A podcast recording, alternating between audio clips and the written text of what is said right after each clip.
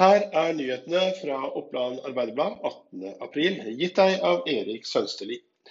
Politiet fikk natt til lørdag flere meldinger om ansamlinger og festinger i Vest-Oppland og resten av Innlandet. Både fra Gjøvik, Toten og Hadeland kom det tips til politiet om større ansamlinger av russ. De fleste av festene fant sted utendørs og hadde over 50 festdeltakere, forteller operasjonsleder Bård Einar Hoft til OA. At russen flykter fra stedet, mener han viser at de vet at slike ansamlinger ikke er i tråd med dagens koronaråd. Det er åpenbart at de vet hva de holder på med nå, med, og at det er noe de ikke bør gjøre, sier Hoft. Madrasser, tekstiler, tomme plastkanter, giftmerker, emballasje og gammelt travutstyr. VG kan i dag avsløre at en ulovlig søppelfylling som ligger i utkanten av gården Hom Nordre, eies og drives av selskapet Toten Trav AS.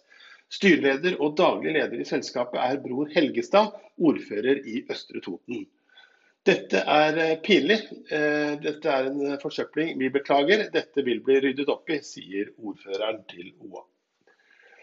Det blir verken barnetog eller russetog på 17. mai i Gjøvik, men korpsene kommer eh, ut til bydelene på nasjonaldagen. Det blir feiring, men det blir annerledes feiring, sier Marte Skoglund, prosjektleder for 17. mai-feiringen i Gjøvik i år, til Oppland Arbeiderblad. I samarbeid med OA skal eh, kommunen streame både ordførerens tale og muligens også en bilkortesje gjennom byen. Norske bedrifter som er hardt rammet av koronakrisen, kan søke om statlig kontantstøtte fra lørdag av. EØS-tilsynet ESA har gitt grønt lys og selve søknadsportalen kompensasjonsordning.no åpner lørdag. og Der bedriftene som ble pålagt å stenge av, stenge av myndighetene av smittevernhensyn, som først får søke eh, om midler. Det opplyser Finansdepartementet. Øvrige foretak med betydelig inntektstap kan søke fra med mandag 20.4. Formålet med ordningen er å unngå unødvendige konkurser og oppsigelser. Mens landets konsertscener er koronastengte, tyr artistene til internett for å spre sin musikk. Så også Torbjørn Dyrud fra Kapp, som bare den siste tida har spilt to digitale konserter på rappen.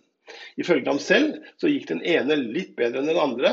En tastefeil gjorde nemlig at han samlet penger til Norsk Meiteunion i stedet.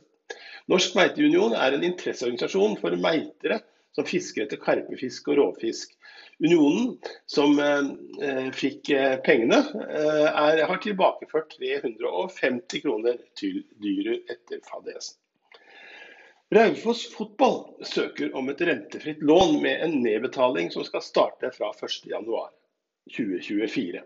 Utbruddet koronaviruset har rammet eh, fotballen beinhardt. Og eh, Raufoss fotball er en av mange klubber som sliter tungt økonomisk, som følge av både tapte publikumsinntekter, sponsorinntekter og andre muligheter til inntekter. Beløpene eh, når opp i millionstørrelsen, og situasjonen er alvorlig for Raufoss fotball som følge av dette. Det var noen av de nyhetene som du nå finner på Oppland Arbeiderblad. Les flere nyheter på oa.no, og last ned våre podkaster på Acast, Spotify eller andre apper du laster podkaster på. Erik Sønstli ønsker deg en fortsatt god aprildag.